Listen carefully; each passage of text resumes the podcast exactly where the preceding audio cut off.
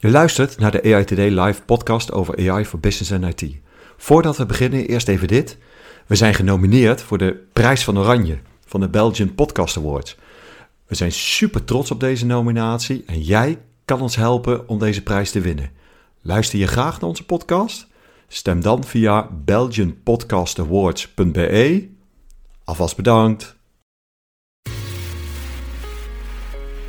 Maar dat betekent dus dat je door middel van een nieuw algoritme, artificial intelligence, ervoor zorgt dat die zoveel kunnen rekenen, dat ze uiteindelijk bij een antwoord komen waar wij mensen waarschijnlijk veel langer over hadden gedaan als we het al überhaupt hadden gevonden. Dat gaat ons helpen om nog grotere problemen te gaan oplossen. Denk maar aan een computer die zelf kan leren. Waar ik aan denk bij kunstmatige intelligentie is ehm, dat het door de mens gecreëerd is. Dus het is door de mens bedacht. Bij kunstmatige intelligentie denk ik aan data. Zo.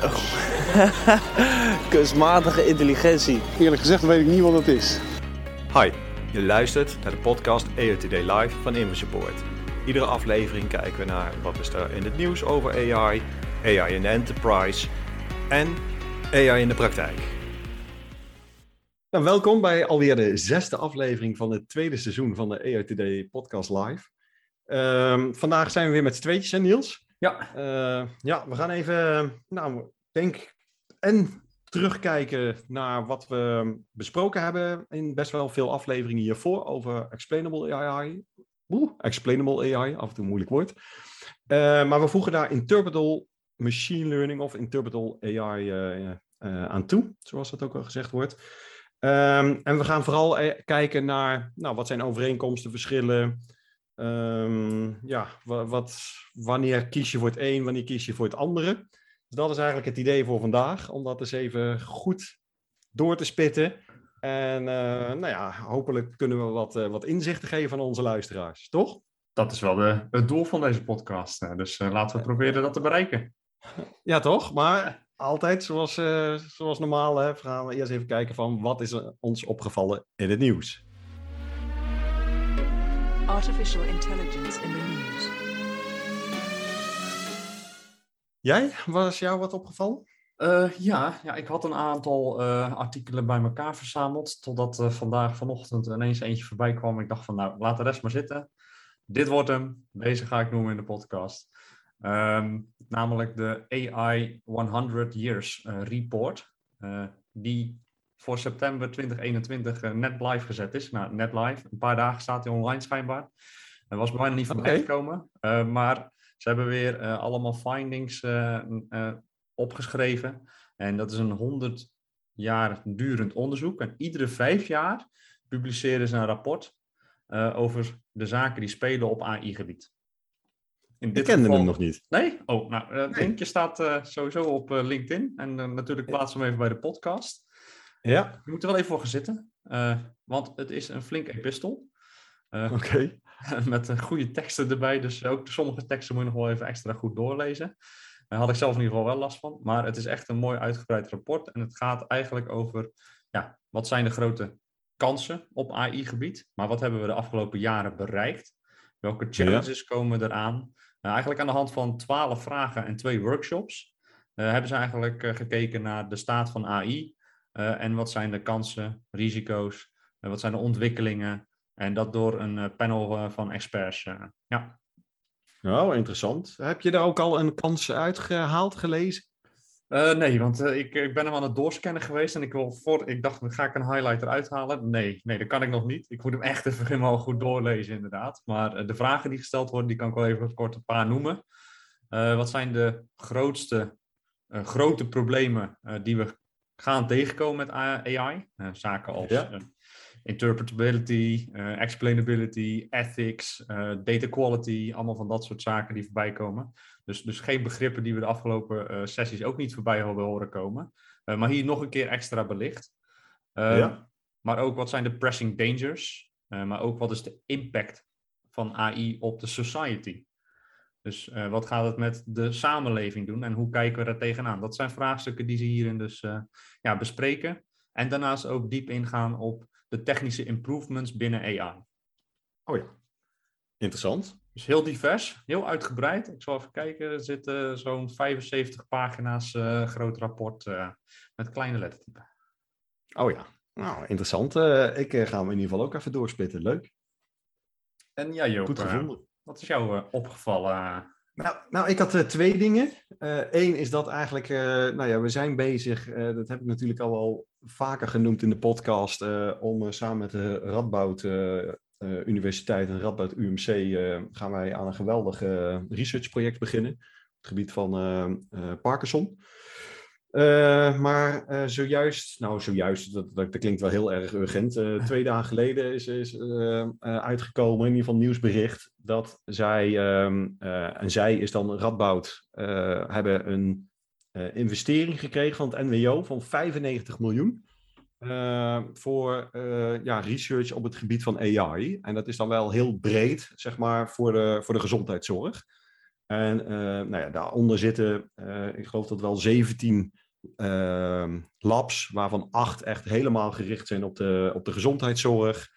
Eh, dus dat, eh, en, en het Radboud leidt dan vijf van die acht labs. Dus dat is Oké. echt wel, nou ja, weet je, het feit dat daar zoveel geld in wordt geïnvesteerd, denk ik dat dat, een, dat dat mooi nieuws is. Ja, zeker. En de ander is, is, is iets heel anders, eh, in een hele andere context en sfeer. Is, ehm, ik had gelezen over de, de Beachbot. En eh, de Beachbot is een eh, Nederlandse vinding, waarbij ze met een, een rijdende robot ehm, sigarettenpeuken gaan opsporen op het strand. En in eerste instantie, toen ik dat las, dacht ik, sigarettenpeuken, weet je, is dat niet Ja. iets anders wat je... Maar dat schijnt, ja, denk je, waarom nou juist sigarettenpeuken? Ja. Eh, maar dat was geloof ik de eh, het tweede meest vervuilende eh, wat, wat je op het strand hebt. en, en die eerste ben ik natuurlijk vergeten, het is lekker onhandig. Plastic, wel zijn, toch? Microplastics Ja. zit, er, zit er heel veel in. Ja. En, en het gaat over een aantallen, dat is echt onwaarschijnlijk. Dus dat vond ik echt wel heel gaaf. Van, van dat je, eh, het, is, het is relatief eenvoudig. Ehm, wat ze ook doen is, eh, ze willen gebruik maken van Microsoft Trove. Eh, en dat is een applicatie waarbij je als particulier foto's kan maken. Dus zij willen eigenlijk dat, dat als jij op het strand loopt, dat je een fotootje maakt, je ziet een peuk. En zo kan jij bijdragen aan, aan trainingsmateriaal voor die robot, zodat hij steeds beter die peuken leert herkennen. Het enige jammer is, want ik denk, ik ga natuurlijk die Trove-app, eh, die ga ik meteen eh, downloaden. Ja. Ja. ja, daar wil ik aan meedoen. Eh, maar helaas eh, is hij nog niet in de Nederlandse App Store eh, beschikbaar. Jammer, Eh, jammer. dus dat, eh, ja, dat is zeker jammer. Maar het idee eh, vond ik echt heel cool. En in het verlengde daarvan zat ik, eh wij zaten, gisteren had ik een, eh, gisteravond had ik een zakelijke bespreking ook over, eh, over AI. En we zaten in een restaurant. En daar werden we gedeeltelijk bediend door een bedieningsrobot. Een bediende robot. Oh, Eh, ja, en, en eh, nou, daar stond ik eigenlijk eh, toch wel van te kijken. En het is geen robot zoals je voor ogen hebt. Hè. Het is niet een, een ober of zo, maar dan, maar dan in peppervorm of zo. Hè. Dus dat je echt een, een robot met handen en voeten hebt. mhm.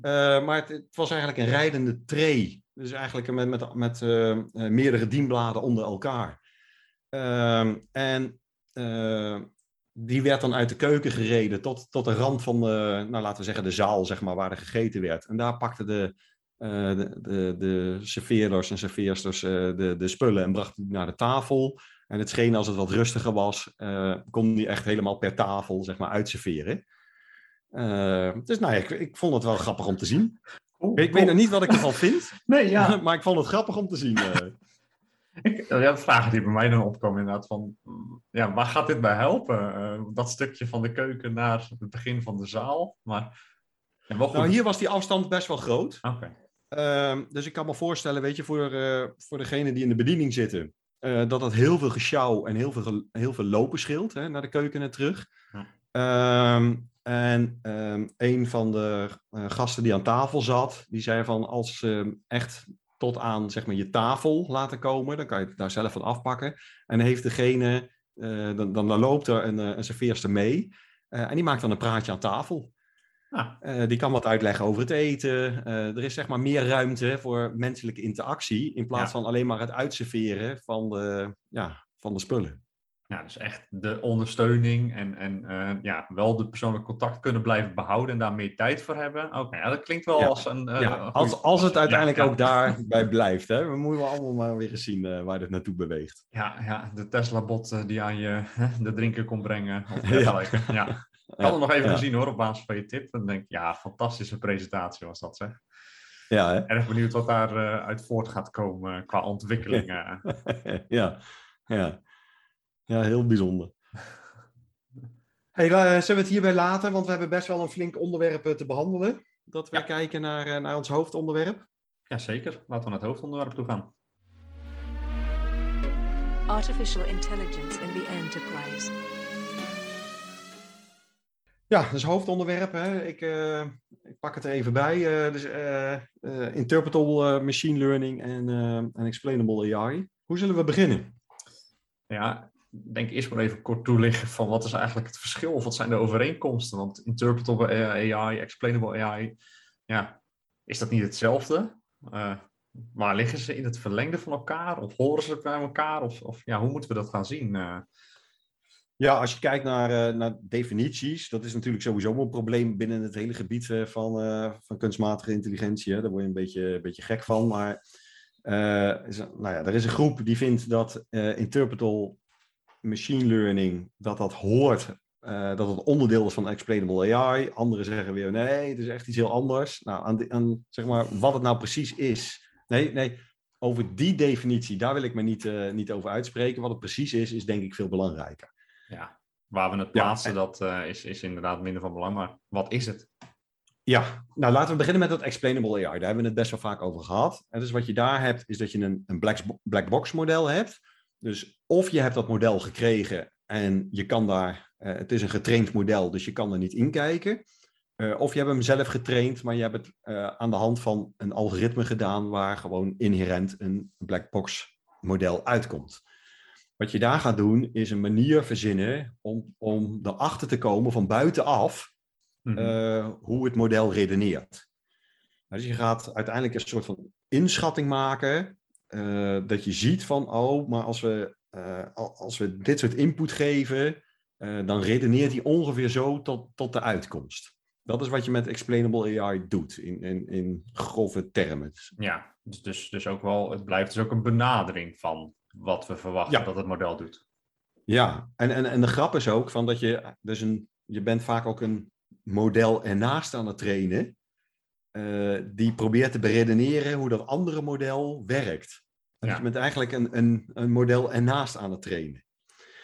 Eh, dat is ook de reden waarom het een, altijd een benadering zal zijn. Want als je dat model één op één zou kunnen trainen, interpreteerbaar, wat er in dat blackbox model zit, dan heb je dat blackbox model ook niet meer nodig. Nee, dan is het geen black box, dan is het een ja, transparante box geworden. Ja, toch? Want, Ja. want, want dat nieuwe model, die geeft jou de, de, de uitleg. Ja. Nou, en wat, als je nou een model maakt waar die uitleg al in eh, opgesloten zit, hè, dus het model kan zelf uitleggen hoe die redeneert, Mhm. hoe die tot zijn uitkomst is gekomen, dan spreken we over interpreteerbaar, dus interpretable ML. Nou, dus er is een heel erg verschil in met explainable AI probeer je van buitenaf, eh probeer er eh, ja, chocola van te maken. Eh, bij interpretable machine learning kun je echt in het model kijken, komt de redenering uit het model zelf. Ja, die, die lever je dus eigenlijk, die levert het model eigenlijk mee. Het model Ja. heeft zijn eigen uitleg die die meebrengt. eh, ja. Ja, en een van de eh, meest eenvoudige die we kennen is ehm, eh, de decision tree. De decision tree eh, die, die maakt allerlei besluiten. Nou, en als, je maar, als, die, als die boomstructuur die eruit komt, als die maar niet te diep en te complex wordt, kun je die eh, in ieder geval visualiseren. En dan kun je echt precies zien dat die zegt van, eh, stel je hebt het over huizenprijzen, dat die zegt van, nou ja, als, als er bijvoorbeeld ergens een scheidingslijn is qua oppervlakte, eh, of naar de buurt. Of, nou, zo zijn er zeg maar een aantal features waar je besluiten op zou kunnen nemen. Kan je helemaal doorredeneren. eh, wat hij dan een voorspelling maakt of, op de huizenprijs voor de verkoop. Ja, ja, en wil je dat als gebruiker weten van waarom kom ik nou hierop uit, is het kwestie van goed visualiseren van die boom en aangeven welke stappen je links en rechts gemaakt hebt. En dan zou iedereen dat moeten kunnen begrijpen. Ja, dat, dat, is, eh, dat is echt een van de hele eenvoudige eh, manieren. Lineaire regressie heb je dat natuurlijk ook. Hè. Dan kan je gewoon een lijntje trekken en zeggen van ja, weet je, eh, hij zit zo dicht op die lijn. Dat is eigenlijk de reden waarom we tot deze voorspelling komen. Ja. Maar goed, bij, ehm, eh, er zijn natuurlijk heel veel algoritmes waar dat niet bij kan. Ehm, en ja, de vraag is, wat doe je dan? Ja, hoe ga je daarmee om? En hoe zorg je ervoor dat mensen het toch gaan snappen en dat je het kan onderbouwen en dat je eigenlijk ook, ja, waarschijnlijk ook wat in de wetgeving moet, verantwoording kan gaan afleggen eh, waarom we tot die uitkomst zijn gekomen. Ja. Ja. En als je dan kijkt hè, naar, die, naar die wetgeving, eh, dan zie je van dat, dat bij die nieuwe regels, daar hebben we het ook wel vaker over gehad, hè, de nieuwe, nieuwe regelgeving die eraan lijkt te komen van de Europese Unie, eh, daar hebben ze het, moeten we wel heel goed kijken, van daar hebben ze het wel over eh hoog risicomodellen, eh, waar ze dit van gaan eisen. Eh, maar ik denk dat heel veel modellen die wij in, in ieder geval in het bedrijfsleven tegenkomen, eh, dat die niet heel snel onder die, dat, dat hoogste risicoklasse gaan vallen. Nee, want heb je, heb je kunnen we een beeld geven van wanneer is het een hoog risicogeval? Eh, ja, dat, eh, dat vraag je me zo. Maar dat, dat gaat bijvoorbeeld over, stel je wil ehm, eh, dingen over ehm, reclassering of, of dat, dat iemand zeg maar terugvalt, hoe noem je dat? Dat, dat, dat, dat die in ieder geval, weet je, weer, weer snel uiteindelijk criminaliteit gaat plegen. Mhm, ja. Eh, dat, dat zijn systemen die daar binnenvallen. Eh, op juridisch vlak. In de gezondheidszorg zal het ook nog niet eens zozeer. Nee. Dus het zijn, gaat heel veel over justitie. ik, ik kan hem er even is misschien wel, ja, is wel handig. Laten we het toch even bijpakken, want het is wel een belangrijke. En dat wanneer valt het nou in? maar dat, dat, dat, Ja. gaat, dat, dat zijn echt wel risicovolle projecten. Ja. Maar dan zou je denken, ja, waarom zouden we het dan uiteindelijk no- wel nodig hebben? Eh, dus wij hoeven niet altijd zeg maar, vanuit de wet, tenminste die nieuwe Europese wet eh, te doen. Je hebt nog, nog steeds de AVG, daar staat ook Ja. eh, een beho- fors deel in, waarin je echt wel uitleg moet geven als het uiteindelijk impact op jouw levenssfeer heeft. En, en, en dat hebben we wel al heel snel. Hè? Ja. Dus dan heb je bijvoorbeeld een kredietaanvraag, een Recruitment. hypotheekaanvraag, eh, zelfs, ja, eh, ik bedoel even buiten de financiële wereld. Nee, maar Eh, eh, tegenwoordig zie je ook heel veel modellen van moeten we deze persoon in dienst nemen eh, op basis van gezichtsherkenning en dat soort zaken. Nou, dat, die heeft ook enorme impact op de mensen. Eh, Ja, Ja. cv-selectie, als, als je allemaal dat soort Ja. dingen zou, zou doen, heeft dat gewoon effect op, jou, eh, op jouw levenssfeer. En dan heb je al het recht om daar uitleg over te vragen, over hoe iets tot stand is gekomen. Ja. En dan is de uitleg van, ja, dit, dit is het antwoord uit een eh, model, uit een, eh, uit een machine learning model, is niet eh, voldoende, gelukkig. nee. Dus er zijn meerdere redenen waarom je dit, dit wil. Hè? Dus die, die AVG is ook wel een hele belangrijke. Maar je wil natuurlijk ook dat je fouten kan vinden. Hè? Dus, dus waar, Beste. Ja. Ja, maar, maar ook ja, waar, waar gaat je model, zeg maar, komt die met, met niet juiste voorspellingen of met voor, juiste uitkomsten? We hebben het alles gehad over dat eh, herkennen van astma. Ja. Eh, nee, longontsteking was het. Hè? Van het herkennen van longontsteking. En eh, dat ze erachter kwamen dat juist astma-patiënten eh, risico. kregen ja. heel, ja, heel laag risico werden ingedeeld. Juist omdat ze al zo goed ja, de- behandeld worden daarvoor. Ja, dat soort dingen wil je natuurlijk niet. Dus je wil, je wil heel goed kijken of, of het juiste gedrag ja, vertoond wordt door jouw model.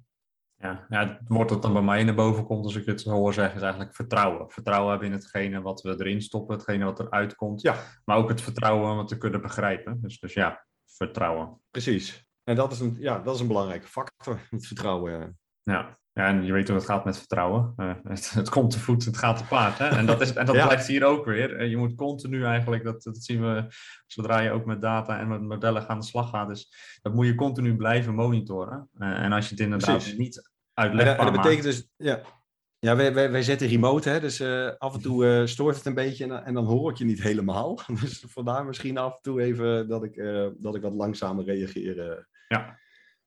Uh, nee, zeker. En, dus dat betekent ook dat je heel goed na moet denken over van... Ja, weet je, welke vragen moet je uitleg nou beantwoorden? dus aan de ene kant heb je natuurlijk verschillende stakeholders. Aan wie geef je de uitleg? Daar moet je over na gaan denken. Maar ook welke vragen moet, ja, uiteindelijk, weet je, als je uitleg geeft, dan moet er een vraag onder liggen. Ja. Dus er kan, uh, uh, nou ja, de, de meest voor de hand liggende is natuurlijk van waarom voorspelt het model deze uitkomst? Maar je hebt natuurlijk ook van hè, welke factoren spelen uiteindelijk een, een significante rol op het, uh, op het besluit. En wat wel fijn zou zijn in heel veel gevallen is van ja, maar wat zou je moeten veranderen om tot een ander besluit te komen of tot een andere voorspelling. Ja, de vroeg me af, is dat niet hetzelfde als weten welke factoren er spelen? Of, is, of zit er toch een verschil in? Ja, want, want uh, uh, het ligt er bijvoorbeeld aan, je kan wel hebben dat je weet welke factor uiteindelijk best wel een rol heeft gespeeld, maar in hoeverre moet je die factor zeg maar, gaan veranderen, uh, zodat dat een besluit zeg maar, ehm, ook daadwerkelijk anders wordt. Ja. dus als, als er wordt gezegd hè, van bijvoorbeeld uh, nou ja, het, het volume van jouw huis, de inhoud van jouw huis, heeft een belangrijke rol gespeeld in de bepaling van jouw huisprijs. maar waar ligt dan de scheidslijn dat er echt een significant bedrag erbij komt of eraf gaat van die prijs? Dat is wel een heel erg praktisch voorbeeld. Ik, ik zat gelijk wel aan aanbouw te denken, inderdaad. Want, hoe groot oh, ja. moet de aanbouw worden, inderdaad, om er meer voor te kunnen vragen? Nee, maar dan maak je wel heel mooi tastbaar, inderdaad. Wat zijn een beetje uh, de boundaries van die factoren wanneer die echt gaan spelen, inderdaad. Want dat zegt natuurlijk ook heel veel over hoe het model potentieel beïnvloedbaar is door ja. de data die wordt aangeleverd. Ja. Nou, en, en, en ook in de uitleg. Hè? Dus we, we hebben het vaak over de financiële dingen, omdat dat zo, zo makkelijk is en, en duidelijk uitlegbaar. dus stel, jij vraagt een hypotheek aan en, en je zou alleen maar terugkrijgen van, ja, sorry, maar je, de hoogte van je salaris heeft een belangrijke impact gespeeld, een negatieve impact, op de keuze dat we je de hypotheek niet gaan verstrekken. Ja, wat moet je daarmee als ontvanger? Weet je, eh, wat je wil horen is van, ja, je hebt minstens uh, dit salaris nodig en daarmee kunnen we je de hypotheek wel verstrekken. Uh, zo moet je die factoren moet je uit kunnen drukken, uh, ja, in, in termen van wanneer is die verandering dan wel mogelijk. Ja, ja. en ook weer waar, wanneer heeft het impact bij de ontvanger of voor wie het gemaakt is. Ja. ja, precies. Ja, en die, en die ontvangers, hè, want, want dat, dat is echt wel, daar zitten natuurlijk niveaus in. Je hebt de data scientist, hè, die heeft zeg maar zo zijn uitleg nodig. En dat is vaak veel technischer dan weer, nou ja, misschien je product owner in je project. Hè. Die, die heeft weer andere zaken nodig. Die uh, mensen aan de businesskant die het model gaan gebruiken. Je hebt misschien iets van een eindgebruiker. En wat we niet moeten vergeten, is dat je als jij in een bedrijfs, uh, in, een, in een sector zit waar vaak audits bijvoorbeeld worden, worden gedaan, ja, dan, dan moet uiteindelijk die, die uitleg en je model moet ook auditable zijn. Ja. He, dus daar kom je ook niet weg met alleen maar van uh, ja, nee, weet je, van uh, de computer says no. Nee, zeker niet. Uh, en als je zo ook opnoemt, is dat eigenlijk wel een heel breed gebied van verschillende expertises die je daarin dekt. Dus dat klinkt toch ook wel als ja, een flinke effort die je erin moet steken. Ja, nee, absoluut. Dit, dit is niet even een toeltje draaien en dan ben je er. Dus je moet inderdaad heel goed nadenken. Hè? Dus die, die, die stakeholders, je gaat nadenken over van ja, wat voor uitleg heb je nodig. Er zal heel veel usability testing plaats moeten vinden, zeker als het richting business uh, eindgebruiker gaat. Hè. Dus, dus hoe goed snappen zij de uitleg? Als we het hebben over dat vertrouwen, weet je, hoe weet je dat het bij gaat dragen aan dat vertrouwen? Ja. Nou, dat moet je op de een of andere manier moet je dat gaan testen. En, en zowel explainable AI als interpretable uh, AI geeft uiteindelijk die uitleg. Hè? Dus daar, daar heb je uiteindelijk met dezelfde problematiek te maken aan de uitlegkant. Hè? Vanaf de uit, uitleg die je gekregen hebt, is het niet heel veel anders. Hoe je tot die uitleg komt, dat is denk ik ook de essentie van deze podcast. Daar zit een groot verschil in. Ja. Uh, als die uit het model komt, ja, dan zou je denken van ja, maar waarom kies je daar niet altijd voor zo'n interpretable model? Ja, als je daar alles mee zou kunnen oplossen. Maar ja, kunnen we daar alles mee oplossen? Ja, helaas niet. Nee. De vraag, de vraag stellen is een, is een beantwoorden. Ja. Wat, wat ik net al aanhaalde, hè, van, uh, soms krijg je ook gewoon een model. Hè? En dan, eh, dus of je ne- neemt hem af van de leverancier. Hè? Dat kan ook eh, bijvoorbeeld die van Microsoft zijn, of van, van eh, eh, in AWS, Amazon, Google. Ja, dan kan je wel gaan vragen om een, eh, om de interpreteerbaarheid, maar ik denk niet dat je die krijgt. Ja, weet je, als je op die manier een, een model ontvangt, ja, dan ontkom je daar eh, dan ook niet aan. Maar er zijn andere keuzes, want uiteindelijk, zeg maar, het maken van een interpretable machine learning model is al wat complexer dan eh, de explainable AI. Of je moet, zeg maar, een algoritme, zeg maar, met een algoritme uitkomen die inherent interpreteerbaar is. Hè, waar we net over hadden, decision tree, lineaire regressie, zo zijn er nog een aantal. Dus het advies zou ook in eerste instantie zijn, begin daar. Zeker hoe hoger de risico's, als je met zo'n model uiteindelijk uitkomt.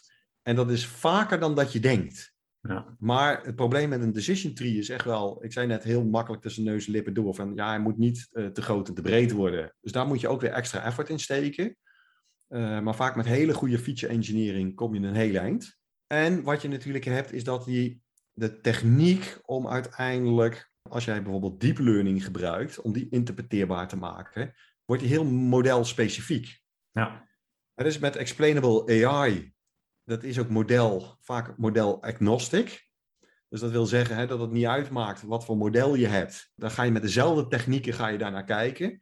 Maar stel je dat je nou heel veel modellen hebt, kan het heel logisch zijn om te zeggen van ja, maar dan ga ik, kies ik toch voor de explainable AI variant. Want dan kan ik al die modellen, kan ik op dezelfde manier, kan ik die behandelen om daar uitleg uit te krijgen.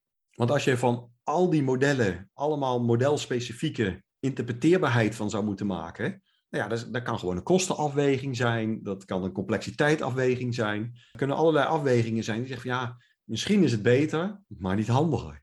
Ja, maar uh, die complexere modellen, uh, die zijn, er zijn vaak grote modellen die niet zomaar even maakt in de, in de versie van Interpretal AI om in de decision tree te stoppen.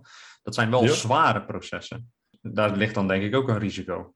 Dat zal best wel wat tijd kosten om uh, iedere prediction of de prediction die je doet uh, te verklaren. En bedoel je bij het interpretable uh, stuk of nee, bij explainable? Bij het explainable stuk, want daar zit juist die complexiteit. Dat is de black box. Daar probeer je gewoon helder te krijgen en een benadering te hebben van, ja, wat als ik dit geef, wat is dan de uitkomst en waarom is dat de uitkomst? Maar je hebt nogal wat varianten die je daarop los kan laten. Dus is dat ook niet ja. heel erg kosten ja, dat is heel uh, resource uh, rekenintensief is dat. Dus dat is inderdaad wel wat je mee moet, mee moet wegen. Dat is een hele, hele goede van jou. Want je moet dan voor iedere uitkomst, hè, voor iedere voorspelling, ga je die berekeningen uitvoeren. En wat je gaat doen is eigenlijk iedere keer onder water dat model ga je, ja, ga je beïnvloeden om maar erachter te komen van hoe die geredeneerd heeft. Ja. Dus je probeert een plaatselijk stukje uit zo'n model, daar probeer je achter te komen. Die performance, dat kan echt oplopen tot seconden. Dus daar moet je wel heel erg rekening mee houden. Dus en dat het dan rekenintensief is qua kosten misschien. Maar inderdaad ook nog eens een keer qua performance. Van, ja, past dat ook binnen het proces wat je aan het doen bent? Ja, daar viel bij mij ook wel de kosten inderdaad. De kosten van tijd en inderdaad de mensenkracht en de rekenkracht. En, en wat er voor nodig is om niet ja, misschien wel een deal mis te lopen of een gebruiker die weggaat of, of dat soort zaken. Ja, ja kan dat ja. snel genoeg? Ja, nee, dat is absoluut waar. En je moet ook kijken van ja, hoe exact is het nodig, zeg maar, hoe, hoe, hoe exact moet je uitleg zijn? En dat hangt natuurlijk weer af van, van de context waarin je, je je model hebt. Dus als we kijken naar bijvoorbeeld uh, nou, je recommendations die je krijgt bij Spotify of Netflix, nou, die hoeven niet zo heel exact te zijn. Hè? Dus als je zegt van ja, omdat jij deze film hebt gekeken, 9 van de 10 keer geloof je het wel. En als dat een beetje een gekke, gekke combi is, dan stap je daar ook wel overheen. Weet je, soms misschien dat, dat je eens een keer een wenkbrauw optrekt, maar dat is het wel. Ja. maar dus hoe exacter, hè? dus als je heel exact de uitleg moet hebben die echt past bij uh, het besluit dat genomen is, moet je meer bewegen richting de interpreteerbaarheid. En als het wat minder exact hoeft te zijn, kun je ook wat makkelijker kiezen voor de uh, explainable variant. Ja, toch wel flink verschil inderdaad tussen die twee, ondanks dat ze ja, best wel dicht op het spectrum bij elkaar uh, voelen als je het zo leest. Ja. ja, juist omdat je uiteindelijk krijg je uitleg, maar de vraag is uiteindelijk hoe kom je, hoe kom je tot die uitleg? Ja. Ik vind ook wel dat je echt moet, ja, ik wil benadrukken, hè, dus hoe, hoe hoger uiteindelijk het risico is dat je, dat je ja, de, de, de, de uitkomsten hebben op de impact van, van levens van mensen, uh, hoe meer je naar die interpreteerbaarheid moet gaan kijken, en minder naar die ex, eh, explainability.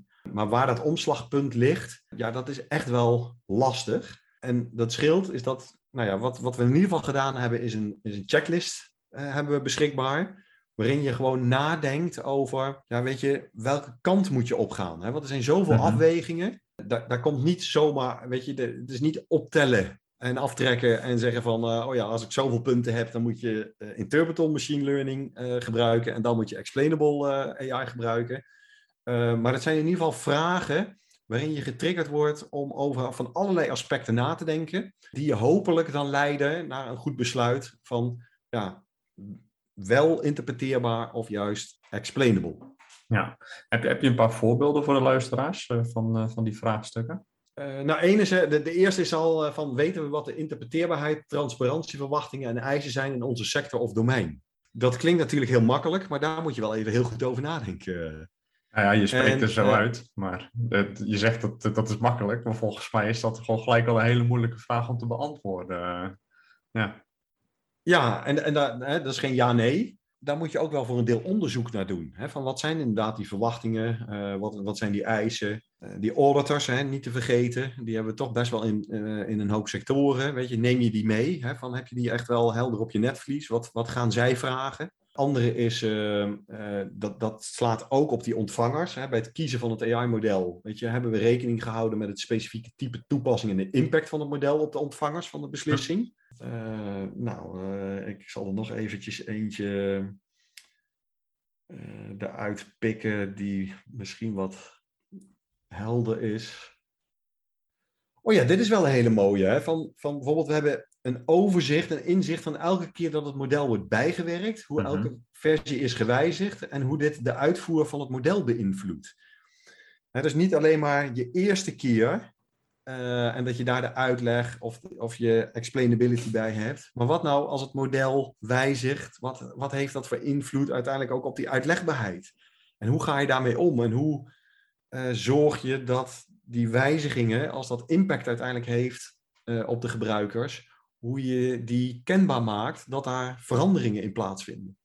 Ja, dat is een eh, hele mooie inderdaad. Die zou je snel ook over het hoofd eh, zien inderdaad. En, en da- ja, dat betekent dus ook dat je het echt mee moet nemen in je hele DevOps eh, voor AI. Om daar eigenlijk continu, als je daar ontwikkeling op doet, dat weer even tegen het licht aan te houden. En dat is natuurlijk niet alleen Ja. de verantwoordelijkheid van de engineers, maar eigenlijk van de hele organisatie die werkt met die modellen. Ja, en de Ja. hele organisatie is meteen niemand. Dus, dus ook een van de punten die erin zat, hè, is van, ja, maar is het duidelijk wie binnen die organisatie verantwoordelijk is voor het valideren van de uitlegbaarheid van het AI-systeem?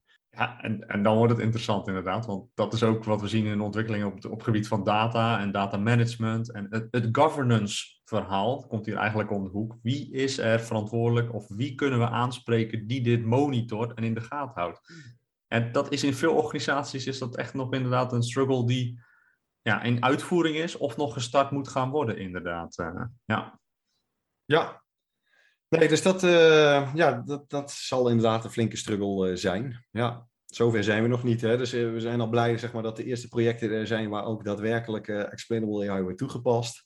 En nou is de volgende slag is echt van, ja, de, de, hoe onderhoud je dit? Ja. Ja, we zeiden het vorige keer al. Hè. Dit, is, dit is iets wat in de genen moet zitten eh, van degene die ermee gaan werken. Eh, waaronder ook de engineers die het gaan bouwen. Maar dit moet gewoon in de way of working eh, van AI-oplossingen. Moet gewoon fair AI en deze varianten inderdaad gewoon aan de basis liggen. Ja, zeker. Dus denk ik ook een mooi bruggetje naar het volgende. Dus AI in de praktijk. Van ja, hoe zien we dit nou in de praktijk terugkomen? Ja, Real world examples of artificial intelligence. hoe eh, zien we dit in de praktijk terugkomen eh, bij de klanten waar we nu zoal bezig zijn, eh, Joop? Ja, dat is wel in, ehm, in verschillende vormen. Dus eh, de, die interpreteerbaarheid moet ik zeggen dat, dat, eh, dat ik dat nog niet heel erg ben tegengekomen. Ik weet niet of jij dat, eh, of jij dat gezien hebt. Ja, kijk, de decision trees die komen we eh, tegen. En, eh, niet alleen in AI-modellen, maar ook in rapportagevorm wordt gewoon de decision tree wel regelmatig gebruikt, omdat die gewoon zo lekker eh, leesbaar is. Maar ik zie nog niet van nature dat het ook eh, verder gecommuniceerd wordt dan puur die ene doelgroep die je hebt voor dat inzicht. Ehm, en dat het hele spectrum daarbij benaderd wordt. Dus daar zit echt nog wel een stap die gemaakt moet worden in de markt.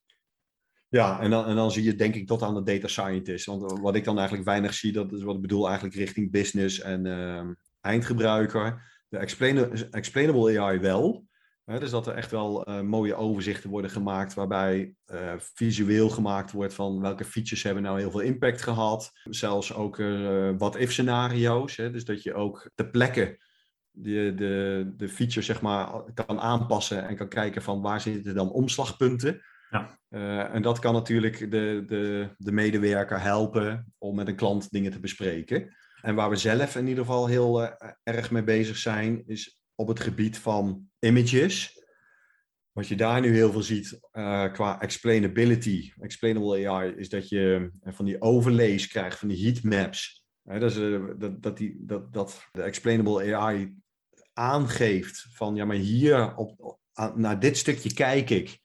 Uh, en daarom uh, vind ik dat er een hond op de foto staat. Ja. Er zijn nu echt technieken zijn er beschikbaar waarin je die uh, uitleg echt uit je model laat komen. gezegd wordt, hey, maar dit stukje op de, op, op het pla in het plaatje komt overeen met bepaalde referentieplaatjes.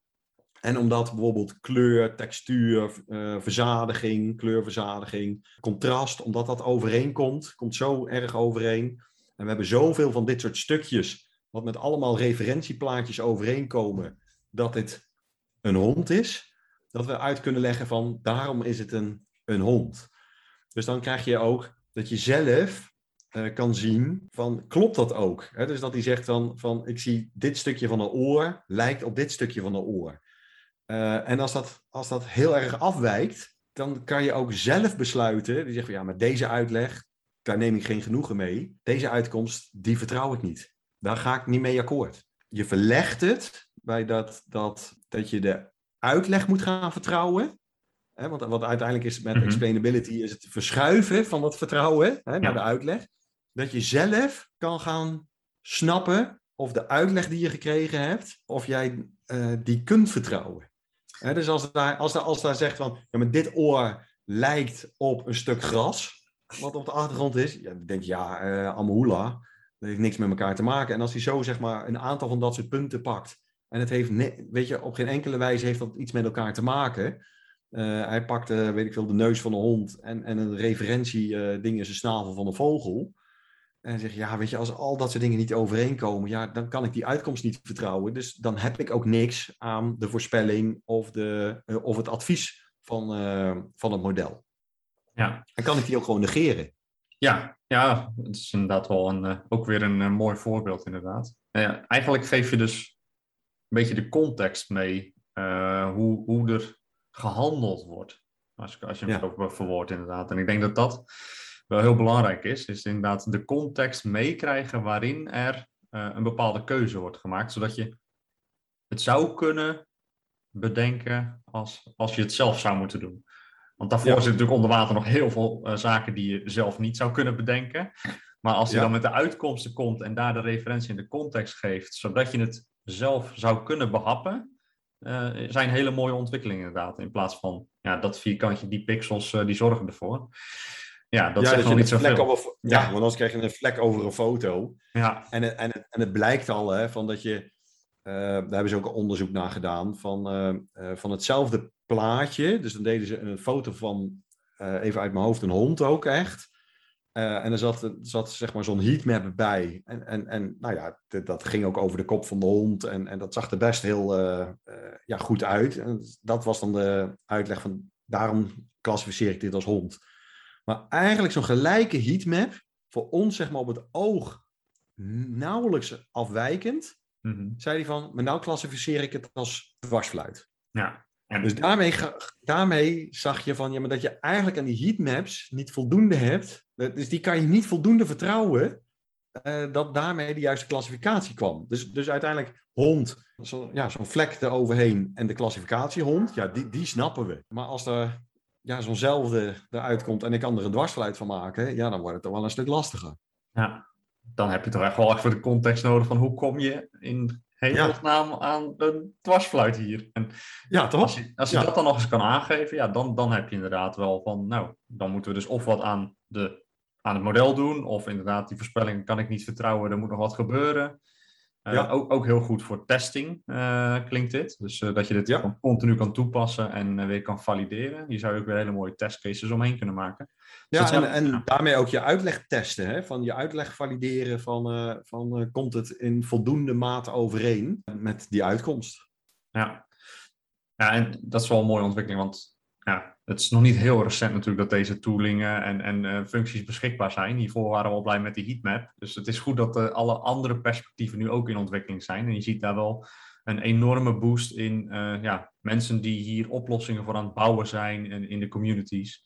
Dus ik denk dat we wel de goede kant op staan, maar volgens mij hebben we ook nog een lange weg te gaan om dit goed met elkaar te gaan doen. Ja, precies. Dus ja, wat mij betreft, zeg maar, weet je, sluiten we af in de zin van, ja, interpretable AI en explainable AI zijn denk ik twee gewoon hele belangrijke onderwerpen. En als jij professioneel bezig bent op dit vlak, eh, moet je hier voldoende kennis van hebben om hiermee aan de slag te gaan. Ik geloof ook echt dat eh, AI niet meer zonder uitleg kan, mits je zeg maar, of tenminste als je, als je het hebt over dat je met persoonsgegevens in, in zijn eh, algemeenheid zeg maar werkt, dan, dan ontkom je er niet aan om ook richting business eindgebruikers en zo eh, te werken. En voor de rest, zeg maar, voor ieder ander model, ook als je met sensoren werkt of eh, geen privacygevoelige gegevens of, of whatsoever, heb je het op zijn minst nodig, zeg maar, als data scientist binnen je project, weet je zeker dat je model ook goed redeneert. Ja, gewoon professional development eh, voor data science. Ja. Ja, exact. Dat klinkt als een mooie afsluiter van deze editie. Ja, toch? Zeker.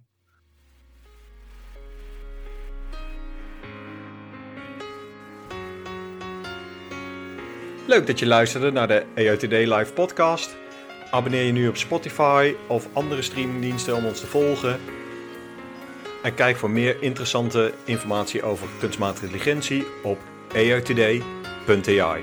Dankjewel voor het luisteren. Tot de volgende keer.